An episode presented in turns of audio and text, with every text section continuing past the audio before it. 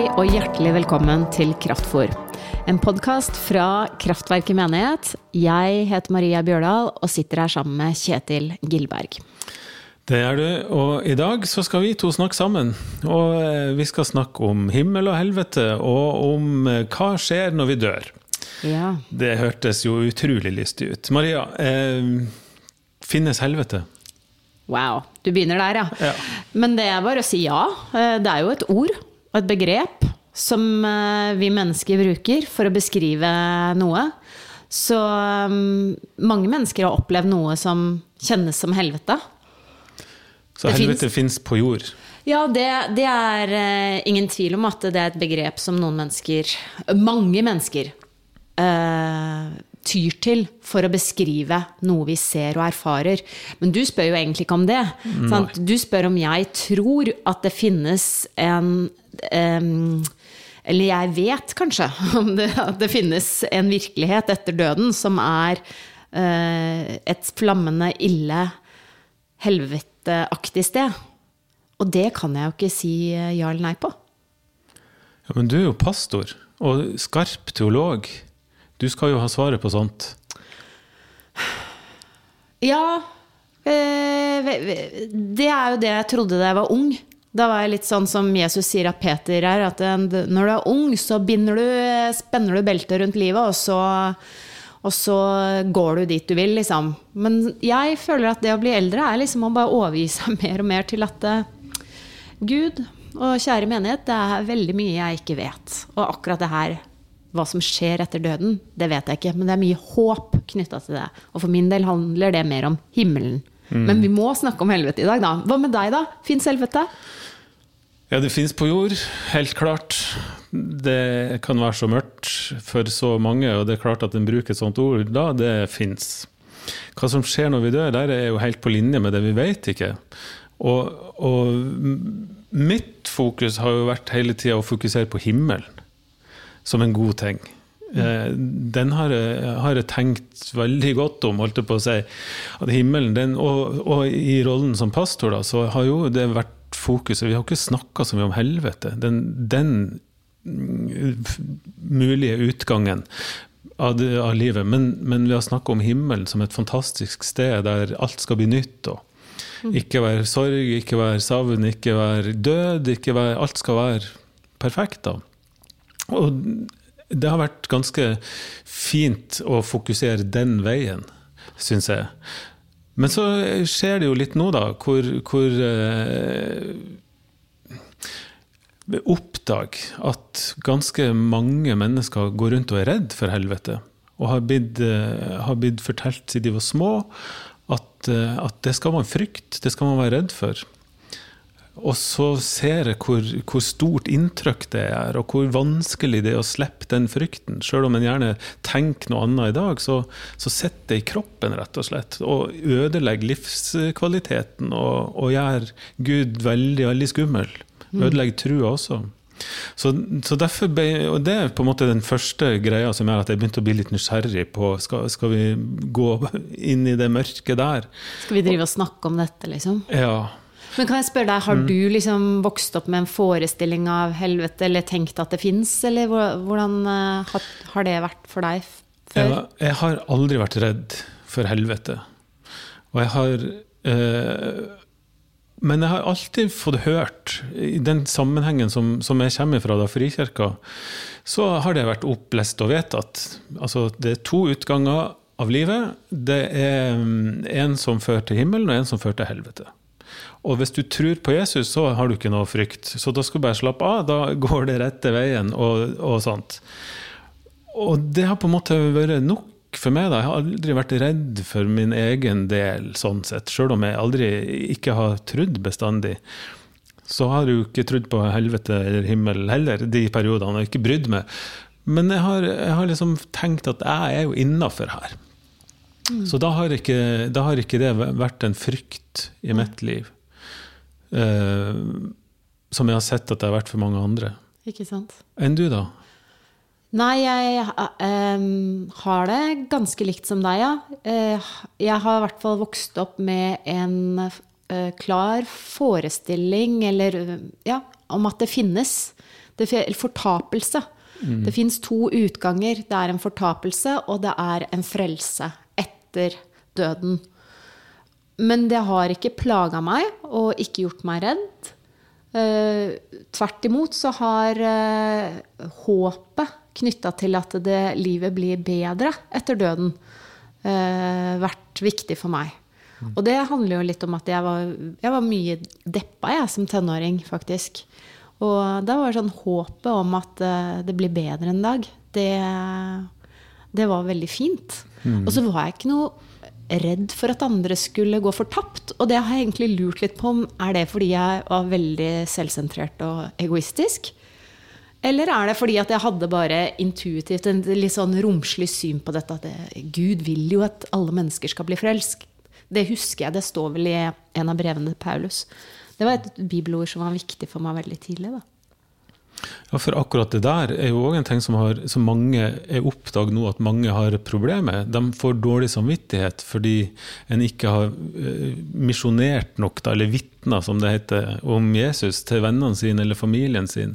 Og så føler en, en, en skyld da, for at de ikke tror, og, ikke, og dermed går fortapt. Og at det har vært veldig belastende for, for en del mennesker. Så at, da tenker jeg at vi to har vært Det er jo ikke usedvanlig, jeg tror jo de fleste har hatt det sånn som oss, men, men ikke alle, tydelig. Og jeg syns at vi har vært heldige, da. Ja. Og det håpet om himmelen og sånt, det er jo, der vi, det, er jo det vi må fokusere på, tenker jeg. Definitivt. Ja. Men i dag så får vi gå, gå den andre veien og se hva vi finner der. Ja. For det er det som jeg ikke klarer å slå meg helt til ro med, i hvert fall, det er at de oppleste og vedtatte sannhetene som en har vokst opp med, at de, de bare Sånn er det bare. Vi er nødt til å liksom finne litt ut av hvorfor sier de det. Hvorfor er vi opplært i dette? Hva, finnes det noe mer? Er det noe vi Ja, for det er et ganske stort eh, tema å, å finne ut av det her. Det er jo det. Og jeg tenker jo at eh, vi står litt overfor en annen tid enn generasjonene før oss, når man tenker på dette temaet. For vi lever jo i en mye mer sekulær kultur. Og det er jo på en måte hva som skjer etter døden, er, er jo ikke et stort spørsmål, på en måte. Det er jo livet før døden. Mens tidligere så tror jeg man liksom har forholdt seg mer til sånn Det, det finnes en gud, og det finnes noe etter døden. Og, og da blir liksom disse spørsmålene De får en litt annen klang, da. Ja, absolutt. Personlig så har det, har det jo våkna litt eh, her, fordi at jeg har, jeg har jo, eh, i og med at eh, mitt syn på likekjønna samliv er som Ja. det er Altså, jeg syns det er helt greit, det, og fint at to av samme kjønn blir kjærester og gifter seg og alt det der. Og, og ved å si det, så har jo jeg blitt konfrontert med at dette er jo eh, noe som kvalifiserer til fortapelse. Og som pastor så leder andre i fortapelsen. Og det har jeg rista av med og tenkt at ja, det får nå bare synes, da. Men, men hvis jeg går inn og tenker litt over det, og, og begynner å, å tenke også gjennom hva den fortapelsen er, i den tradisjonen vi kommer fra, så er jo det ufattelig alvorlig, hvis det er sant, hvis de har rett i akkurat det der. Så derfor så, så er det på det person, for meg da personlig, så er det, er det, ble det litt nødvendig å gå inn og se hva, hva er det hva er det, ja, hva kan vi tro om dette her? Ja. Og hvis at jeg tenker bare ut ifra meg sjøl, sånn på det menneskelige planet, da, uten å gå til Bibelen, eller noen ting sånt, så tenker jeg at det er noe som skurrer her. At det skal finnes et helvete. Jeg skjønner at vi skal stå til ansvar for livet vi lever. Det, det sier Bibelen en del om, og det, det er en ganske naturlig tanke. at vi, Det får konsekvenser, handlingene våre. Eh, men at en, en Gud som er opplevd som god, og som blir beskrevet som god, skal ha laga ei ordning der han skal straffe sine egne barn. Det høres jo helt klin kokos ut for meg. Der er det noe som, som skurrer. Altså Hvis Guds kjærlighet er, skal jo være større enn min Og jeg har tre unger, men det er altså ingen av de som, som hadde Jeg kunne jo ikke ha forestilt meg tanken engang. Du vil aldri slutte å ha en åpen dør for barna dine, samme hva de finner på? på en måte. Alltid. Ja. Alltid, alltid. Og jeg vil jo, jeg vil jo ta den straffa for de, osv. Altså, det er jo ikke Vil jo aldri sende de i, i en evig pine. Det høres jo helt groteskt ut for meg. Mm. Og, og, logikken går jo ikke opp der. Hva du tror Nei, altså jeg eh, kjenner eh, det samme skurret, men samtidig så har jeg nok veldig tidlig når jeg var mer sånn Ja, men det finnes en fortapelse, og det er en viktig del av den kristne lære. Tenkte at her, her må vi jo huske at det handler ikke om at Gud skyver folk inn i fortapelse. Det, er, det står en åpen dør, men det må være lov å velge ham bort, da. Mm. At Gud respekterer menneskets frie vilje. Um, er et sånn typisk motargument, da. Ja. Som lever også i meg. Og som jeg, jeg, kjenner jo også både som menneske og forkynner av troen i dag, at jeg har ikke lyst til å presse Gud. Eller noe som helst på noen som ikke vil noe. Det var veldig sånn Jeg tror Gud har veldig dyp respekt da, for menneskets vilje. Og hva ja, om det vilje er å aldri ha noe med Gud å gjøre? Hva tenker du om det? Ja, da tenker jeg at den, Hvis den viljen er så sterk, da, mm. så, så, vil Gud aldri presse på. Det følger det helt på. Men jeg, jeg tenker nok at, også at uh, det, Ja, det er en urettferdig ting mm. jeg opplever det som. Jeg opplever helvete som en urettferdig ting fordi at den frie viljen slår så ulikt ut. Altså, En kan bli møtt med en kristendom sånn som du og jeg har gjort, da, som er veldig positiv. Og som en har lyst til, og, og ser at dette er jo bra for meg, og dette er bra for livet mitt, og Gud er, er fantastisk. Men så blir mange andre møtt med en kristendom hvor er, du blir påført skam, eller du blir påført denne frykten. Der er, der er masse sånne kjipe ting med den trua du blir tilbudt, for å kalle det det, da, mm. som gjør at, at lysten til å ta imot dette her, forståelig nok ikke er der. Eller, ja. eller ta folk som ikke vokste opp i en kristen kultur Eh, så er det jo en, en, slags urettferdighet i at altså, Gud er rettferdig. Det har jeg tenkt alltid. Gud gjør ikke forskjell på folk. Gud gir oss like muligheter. Men, men erfaringa vår sier jo at hvis du er vokst opp i en norsk kristen kultur og i en god kristen heim og alt det der, så har du jo helt andre forutsetninger for å bruke din frie vilje til å ta imot dette her, enn du har hvis du vokser opp i et buddhistisk land, osv. Så, der, så, så der er det også en sånn uh, logisk brist. Ja, så Det du på en måte argumenterer med nå, er at eh, hvis din erfaring av kirka og av den Gud du har fått forkynt, da, er noe som ikke er tiltrekkende, men skremmende, mm. så er det ikke noe rart at du går bort fra det. Nei. Og da er på en måte kanskje nesten Tenker jeg, da, hvis jeg skulle svare deg hvis det var du som hadde opplevd det sånn, så ville jeg jo sagt ja, men kanskje frelse og redningen og veien til sannheten og Gud, da, for din del, er å eh, vise fingeren til kirka og gå sin vei. Mm. Er lov å si noe så dramatisk? Altså sånn at Noen ganger så blir, vokser du opp i så undertrykkende og autoritære systemer som sier 'sånn er Gud', at eh, eneste veien til frelse er faktisk å forlate det, og dermed ta et oppgjør med Gud, da, som er farvel. Men, ja. er, men er det virkelig Gud? Ja, det er jo det store spørsmålet. Da vil jeg jo håpe at det er et bilde av Gud, og at den sanne, levende Gud finnes og mm. vil møte oss med kjærlighet. Hva tror du med alle menneskene som ikke har hørt om Jesus, da, og i hvert fall ikke har hørt om Jesus på på vår måte, da. Å vokse opp i en annen kultur, annen religion?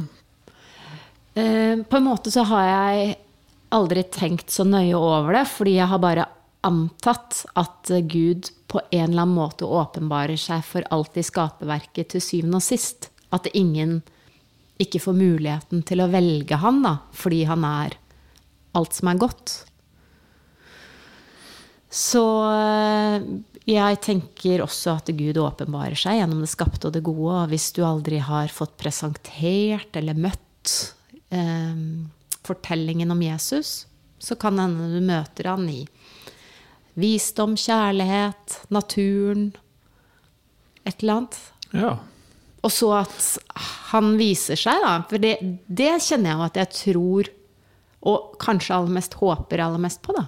det er at Jesus kommer tilbake og vil på en måte vise seg for hele menneskeheten. Så for meg er det mye viktigere. Troen på at Jesus kommer tilbake en gang til. Ja, at det er da det skjer. Da skal det gjøre mer enn å holde dom, da? Er det det du sier? Det er nok en dom der òg, men det er også på en måte en ny ny åpenbaring, da. Som eh, jeg ikke klarer å beskrive, men det er ja, bare et håp til det. At uh, han viste seg en gang i tiden som et menneske på jorda.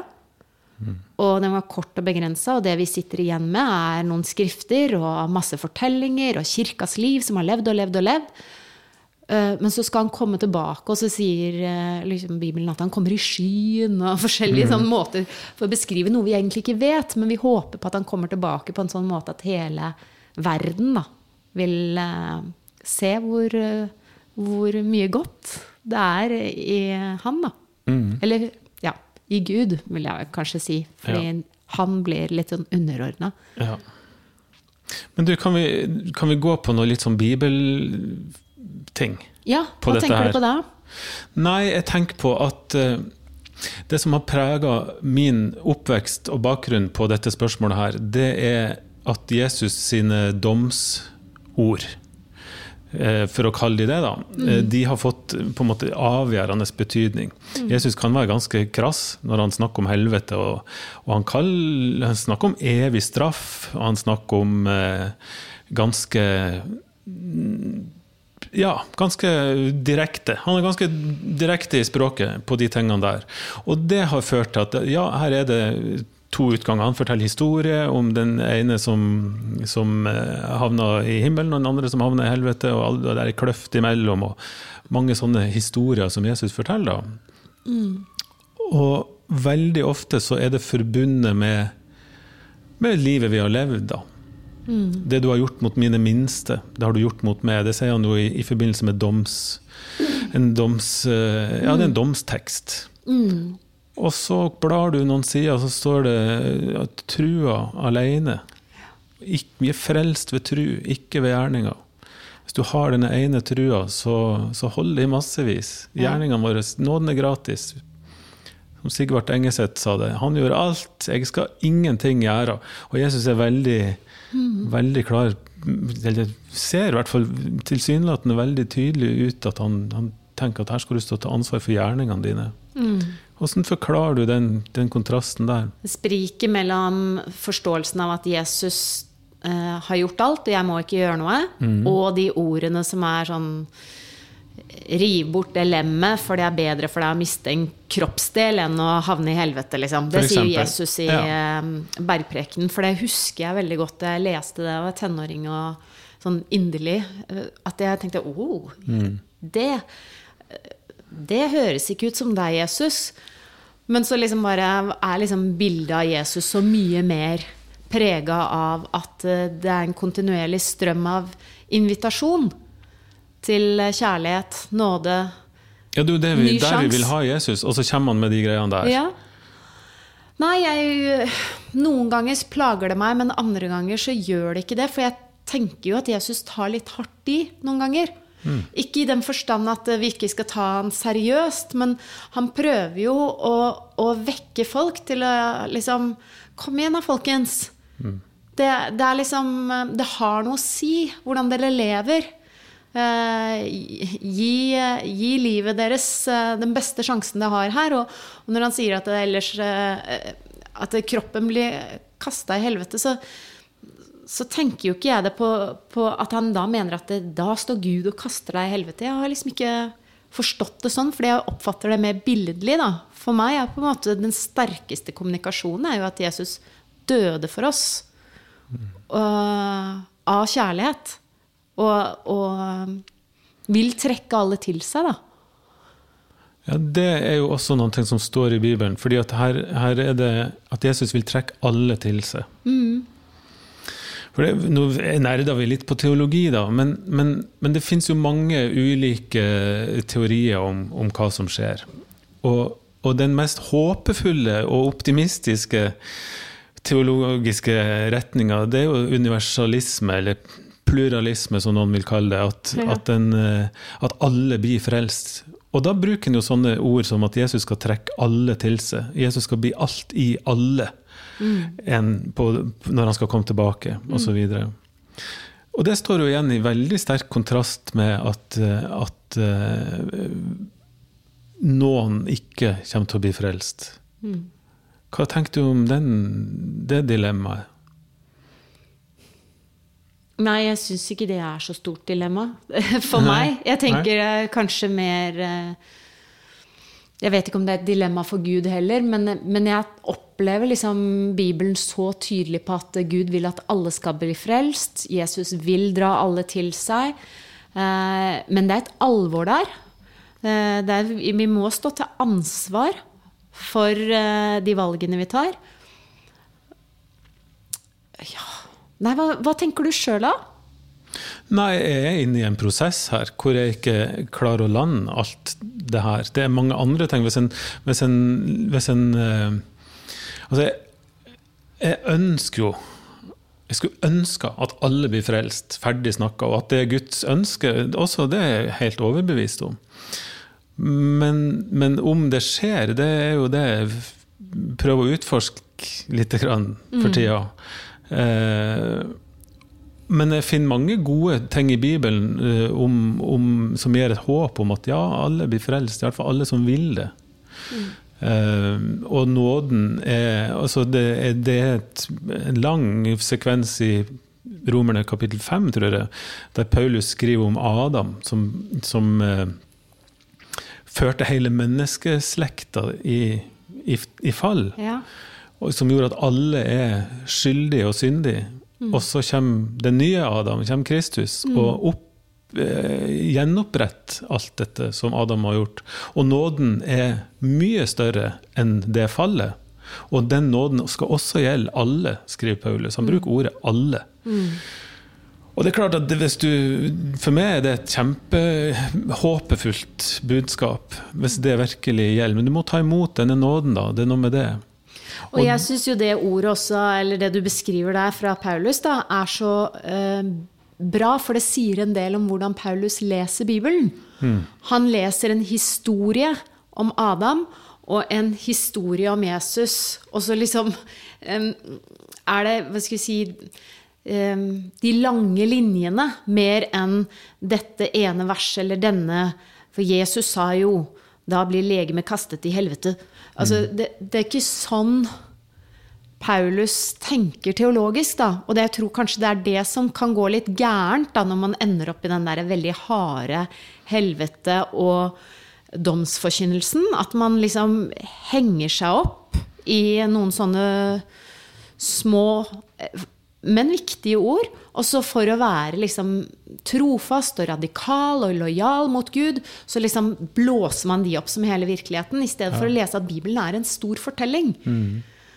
Ja, og det der, der er jeg jo helt enig med deg. Og jeg, og jeg tenker at også i dette spørsmålet så er det veldig mye såkalt bokstavtro som har satt premissene for hva vi skal tro og tenke om dette her.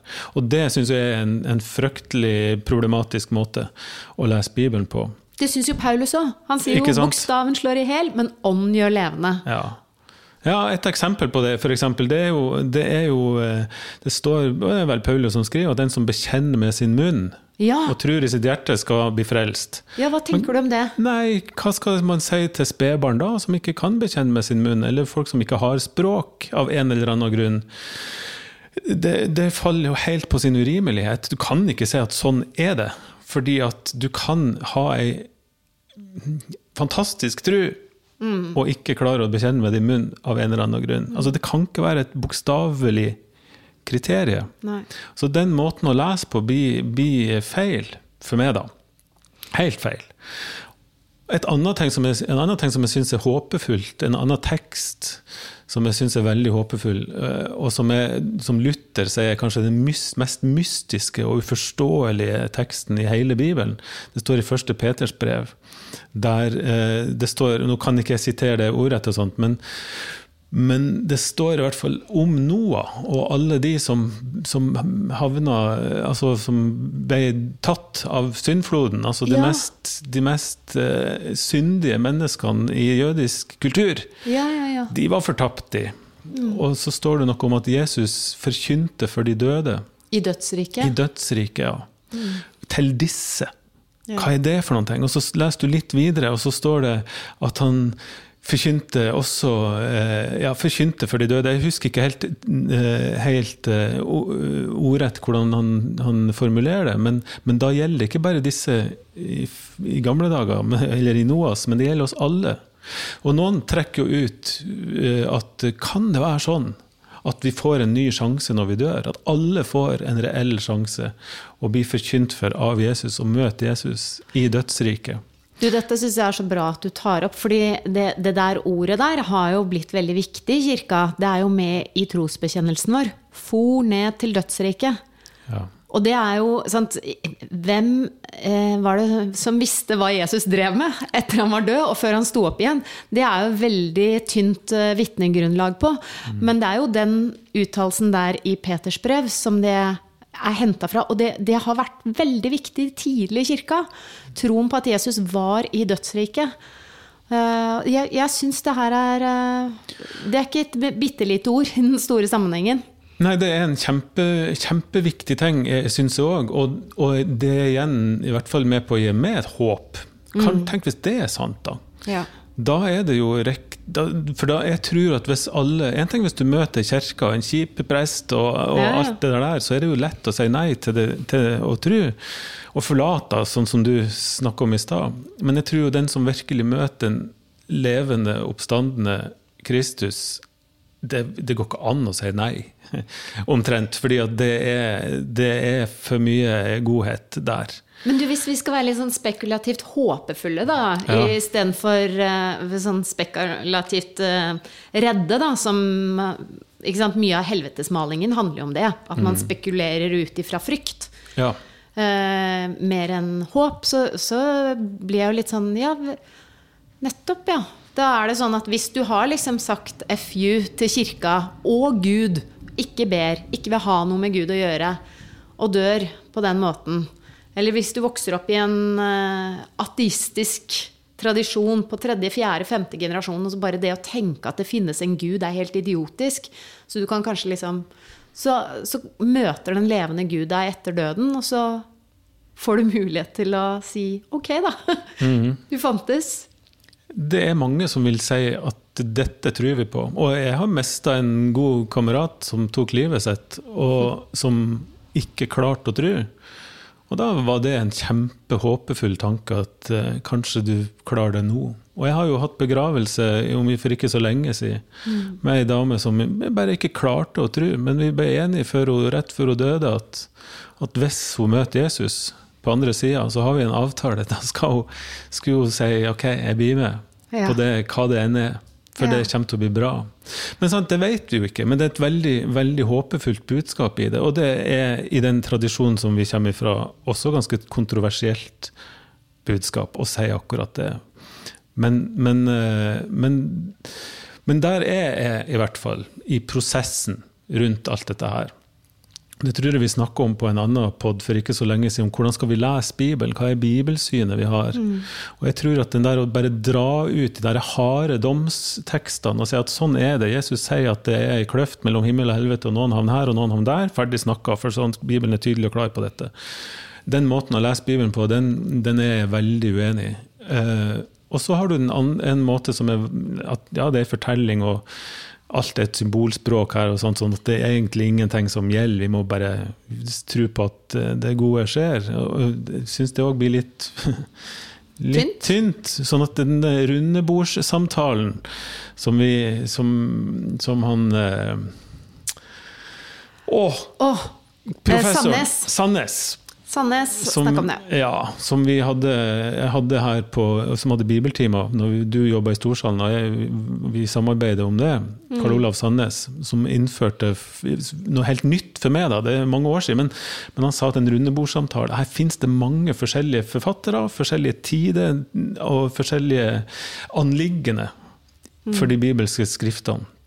Og her ser vi at det er noen ting som sier ja, trua alene. Jesus sier du, det har jo noe å si hvordan du lever. Eh, det store bildet om Gud er kjærlighet, eh, men snakkes også om evig straff. Det er disse tekstene fra 1. Peter. Går det an å få forkynnelse, bli forkynt etter du er død?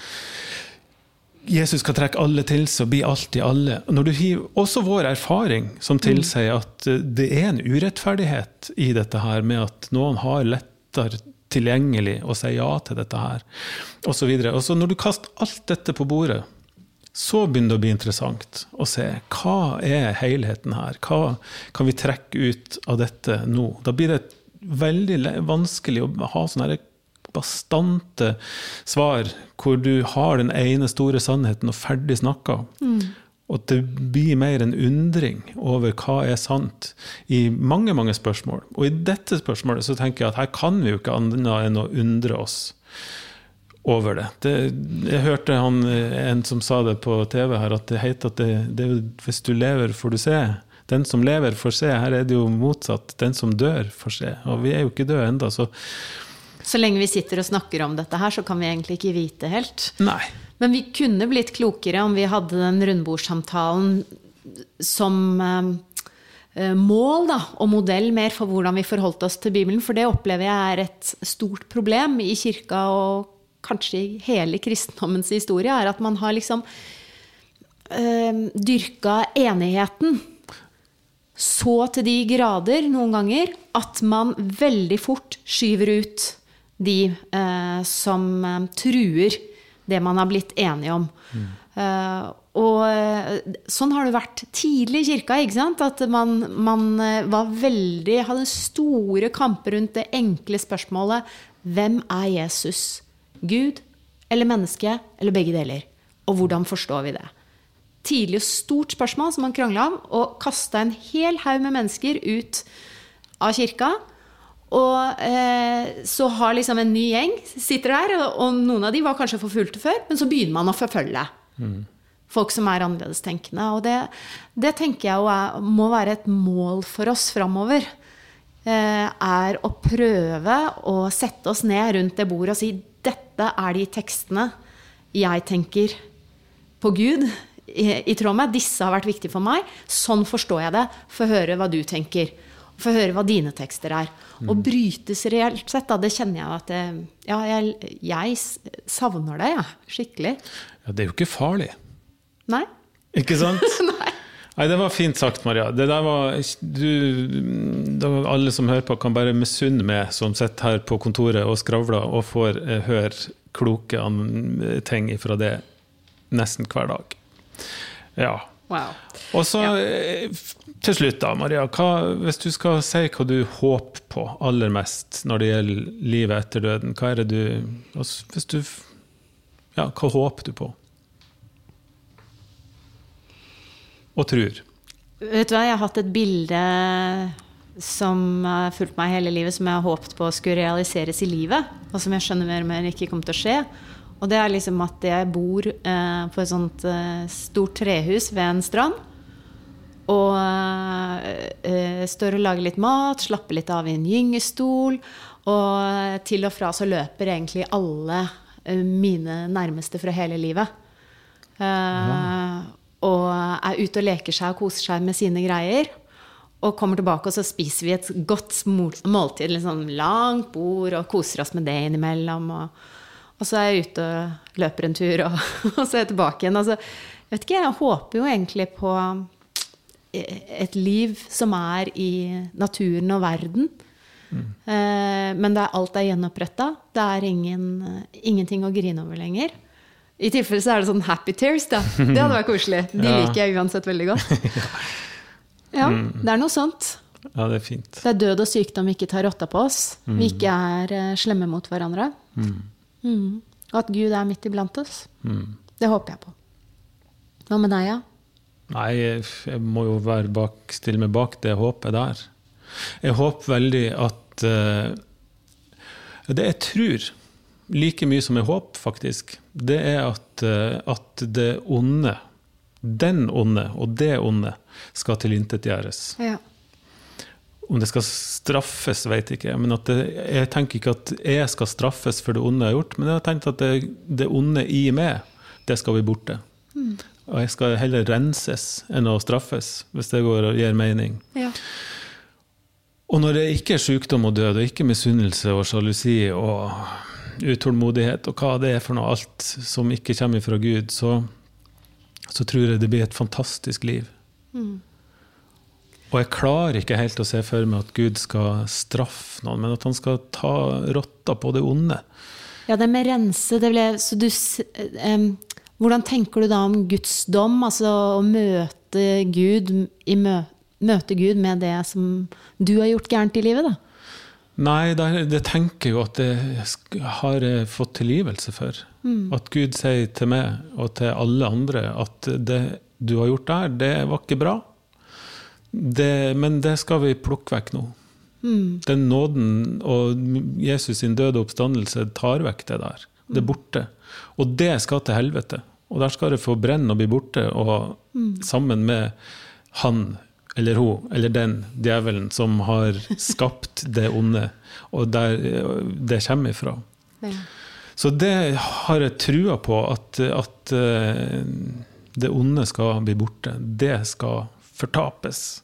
Ja. Og det onde i meg. Og at det gode skal stå igjen. Og ja. Jeg vet ikke. Den som dør, får, får se. Se. Ja. Ja. Og så har jeg veldig sansen for katolikkene som, som har en raushet i det her, som sier at alle som søker sannheten av et helt hjerte, de skal bli frelst. Eh, Det betyr at en buddhist som er helhjerta buddhist, han er egentlig kristen uten at han vet det. Ja. Hilsen de. Og jeg syns det er en veldig raus tanke, og jeg liker en raushet i dette her. Vi trenger Nåden blir aldri for stor for meg. Og, og i vår oppgave som forkynnere og formidlere, så, så er det en ting jeg har lyst til å, å legge vekt på. At nåden, den, den, vi gjør den av og til så liten og så eksklusiv, men jeg har veldig lyst at den nåden skal gjelde. At vi skal se at den er så Altså Den er så heftig stor at det går ikke an å forestille seg. Så det Må alltid overraske. Ja. Ja. Så det håper jeg på. Det var fint å høre deg snakke om det med hvordan ja, hvordan rett og slett dommen kan skje som noe sånn frigjørende for oss mennesker og på en måte, og for deg, da. Det kjenner jeg Nei, det, det var veldig fint å høre. Kjetil, det er Vi veldig stas å eh, snakke med deg om det her. Vi er på vei begge to. Vi er på vei, og, og den får vi være. Vi får snakke om dette senere, og så får vi ha mest fokus på himmelen, kan vi ikke det, etter Jo. dette en stund. Og så snakkes vi etter hvert. Takk for i dag. Ha det.